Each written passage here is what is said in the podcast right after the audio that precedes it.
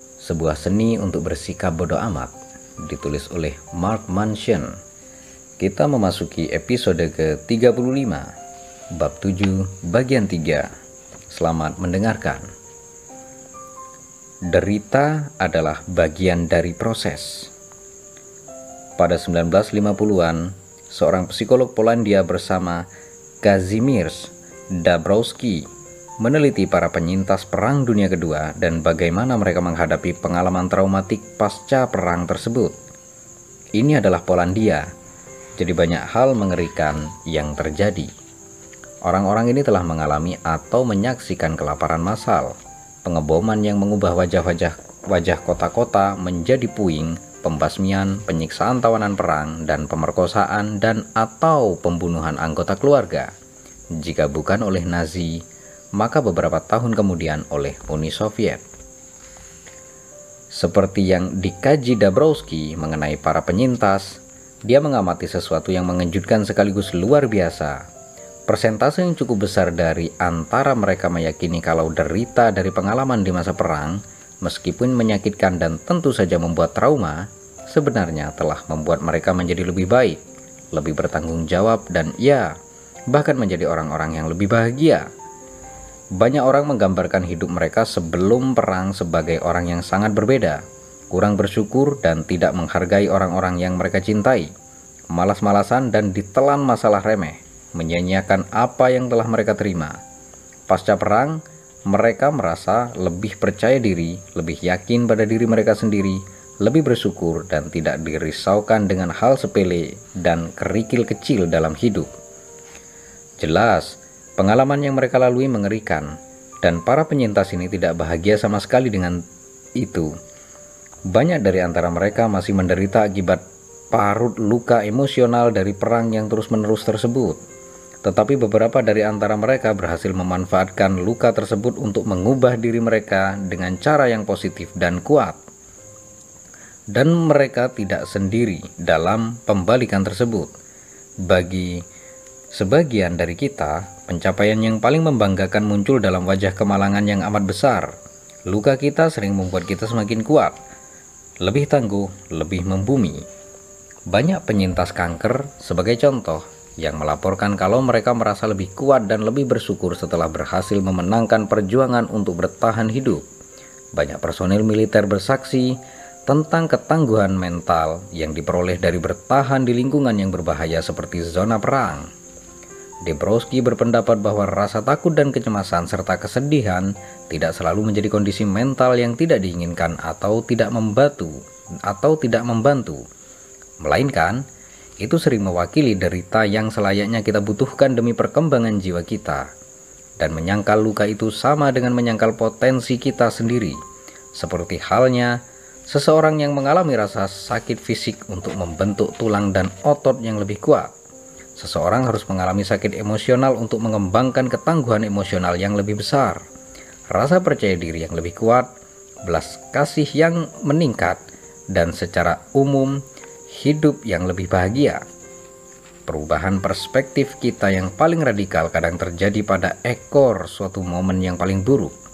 Hanya pada saat kita mengalami rasa sakit yang intens, kita bersedia menimbang nilai-nilai yang kita miliki dan bertanya mengapa nilai tersebut seakan membuat kita gagal.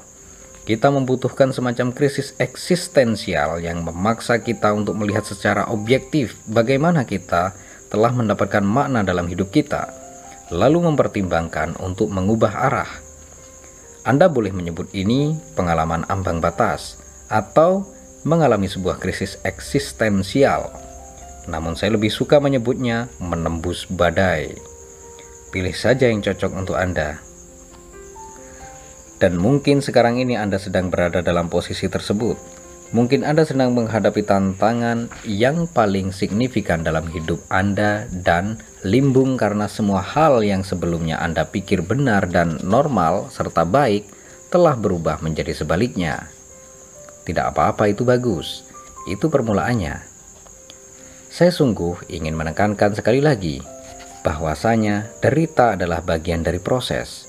Penting untuk merasakannya, karena jika Anda hanya mengejar kesenangan di atas rasa sakit, Jika Anda membiarkan diri terlena dalam kepongahan dan pemikiran positif yang delusional, jika Anda terus memanjakan diri dalam berbagai hal atau kegiatan, Anda tidak akan pernah menemukan motivasi yang menjadi syarat untuk benar-benar berubah.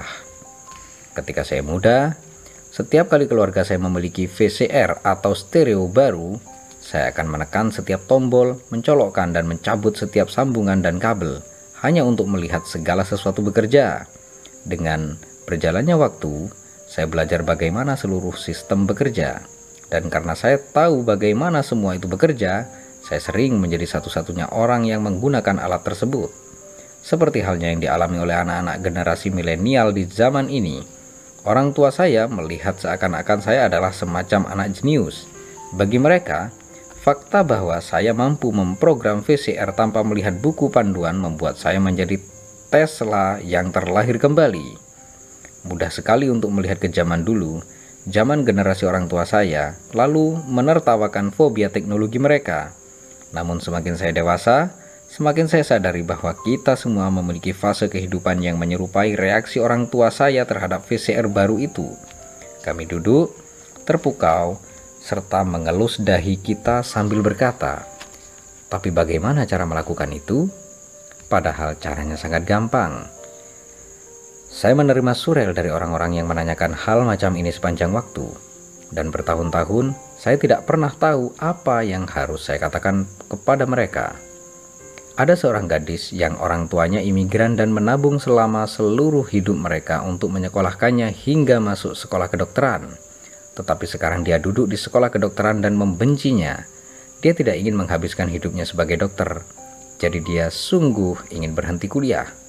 Namun dia merasa terjebak sehingga pada akhirnya dia mengirim surat elektronik kepada orang asing di internet atau saya dan menanyakan sebuah pertanyaan konyol namun jelas seperti bagaimana saya berhenti dari sekolah kedokteran atau seorang mahasiswa yang jatuh cinta kepada dosennya Akibatnya dia tersiksa dengan setiap tanda, tawa, senyuman, lanturan, hingga basa-basi dan mengirim saya surel yang mirip novela sepanjang 28 halaman yang ditutup dengan pertanyaan bagaimana caranya agar dia mau diajak kencan? Atau orang tua tunggal ibu yang sekarang anak-anaknya sudah lulus sekolah namun masih bermalas-malasan di sofanya makan makanannya menghabiskan uangnya, tidak menghargai ruang atau keinginan si ibu untuk mendapatkan privasi. Dia ingin mereka hidup sendiri. Dia ingin melanjutkan hidupnya sendiri. Di saat yang sama, dia takut setengah mati meminta anak-anaknya untuk pindah. Sedemikian rupa hingga pada pertanyaan bagaimana cara meminta mereka pindah. Ini adalah jenis pertanyaan VCR.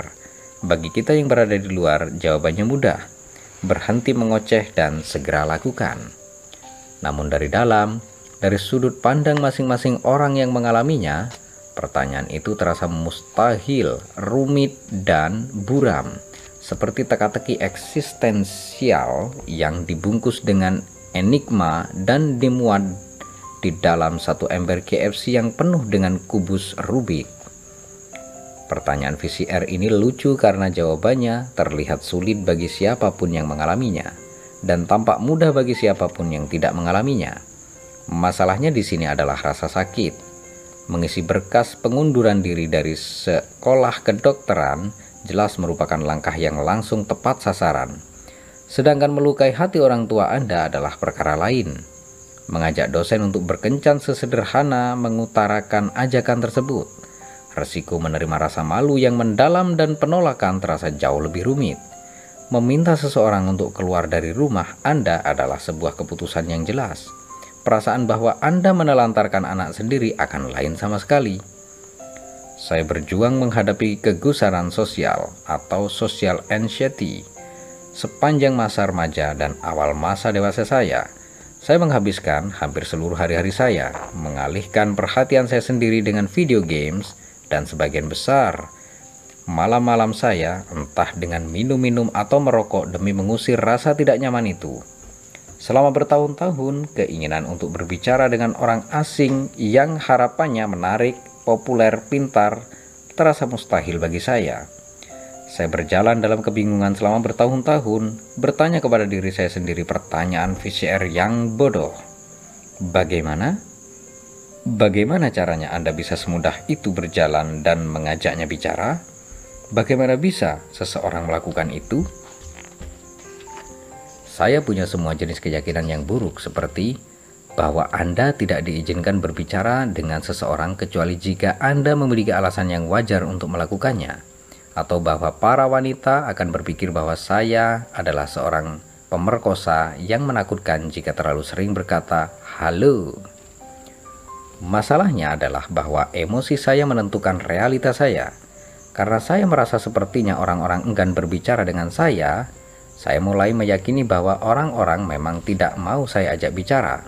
Dan karena itu, Pertanyaan VCR saya, bagaimana saya bisa langsung menghampiri seseorang dan mengajaknya berbicara? Karena saya gagal memisahkan apa yang saya rasakan dengan apa yang sesungguhnya ada, saya menjadi tidak mampu melangkah keluar dari diri saya dan memandang dunia sebagaimana adanya. Sebuah tempat yang sederhana di mana dua orang bisa bertemu kapan saja dan saling bicara. Banyak orang Ketika mereka merasakan suatu bentuk rasa sakit atau amarah atau kesedihan, mengabaikan semuanya dan mulai merasa kebal atas semua perasaan yang menghinggapi. Sasaran mereka adalah bentuk sasaran mereka adalah untuk secepat mungkin merasa baik kembali. Bahkan jika itu berarti mengubah atau menipu diri mereka sendiri atau kembali ke nilai mereka yang buruk. Belajarlah untuk menahan rasa sakit yang telah Anda pilih Ketika memilih sebuah nilai baru, Anda sedang memilih untuk memasukkan bentuk rasa sakit yang baru ke dalam hidup Anda. Rasakan, nikmati, terima dengan tangan terbuka, kemudian lakukanlah. Saya tidak berbohong.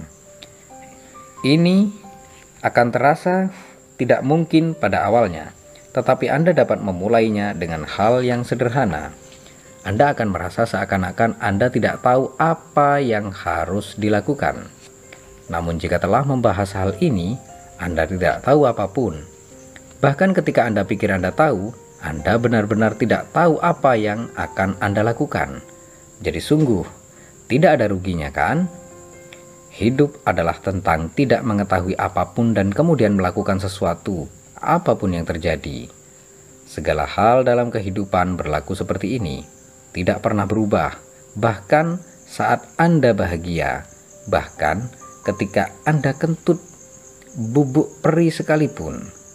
Bahkan saat Anda memenangkan lotre dan membeli satu armada kecil jet ski, Anda masih tidak tahu apa pun yang sedang Anda lakukan. Jangan pernah lupakan itu dan jangan pernah takut akan hal itu. Terima kasih dan bersambung ke episode 36 bab 7 bagian 4 Halo sobat-sobat jenius di mana pun Anda berada. Saya Guntur Sulaksono pengisi suara di channel ini Saya sebenarnya lebih aktif untuk update buku-buku terbaru melalui channel youtube saya. Namanya Baca Buku. Jadi buat teman-teman yang mau menyapa saya secara langsung atau mau request buku-buku yang ingin dibacakan, teman-teman bisa mengunjungi channel YouTube saya. Namanya Baca Buku. Teman-teman bisa mengajukan request buku-buku yang ingin dibacakan atau sekedar say hello. Jadi oke okay ya teman-teman semuanya, selamat mendengarkan program audiobook Indonesia.